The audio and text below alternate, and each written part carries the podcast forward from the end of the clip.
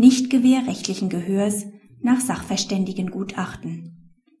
Ergibt sich aus einem vorgelegten Gutachten im Rahmen eines über mehrere Jahre geführten Verfahrens, dass ein neuer bislang völlig unbeachteter Streitpunkt auftaucht, so verletzt das Gericht den Grundsatz des rechtlichen Gehörs, wenn nach Schließung der mündlichen Verhandlung entschieden wird, ohne dass diejenige Partei, deren Vortrag durch die neuen Erkenntnisse erschüttert wird, eine Möglichkeit zur Stellungnahme hatte.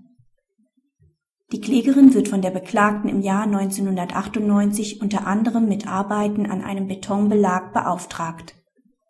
Gegen die mit der Klage geltend gemachte Werklohnforderung der Klägerin rechnen die Beklagten mit einem Vorschussanspruch für Mängelbeseitigungsarbeiten auf und machen einen darüber hinausgehenden Betrag im Wege der Wiederklage geltend.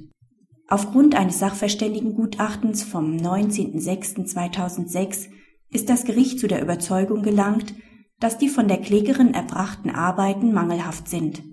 Grund hierfür ist die Tatsache, dass nach Auffassung des Sachverständigen eine Konstruktion mit zu vielen Fugen gewählt wurde.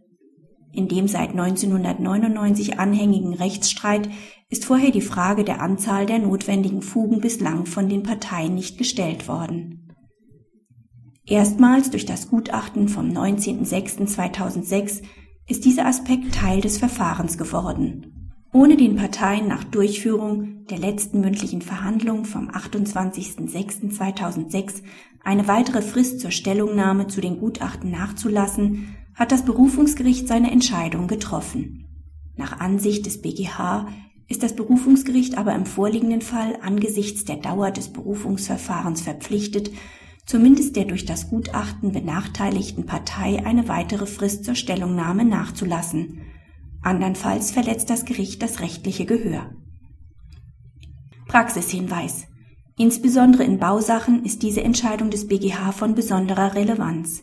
Aufgrund der zumeist langwierigen Verfahren und der Tatsache, dass der Inhalt gutachterlicher Stellungnahmen selten vorausgesehen werden kann, können die Tatsacheninstanzen von den Parteien des Rechtsstreits nicht erwarten, dass binnen Wochenfrist zu Streitpunkten umfassend Stellung genommen werden kann die bislang in keiner Weise Teil des Verfahrens gewesen sind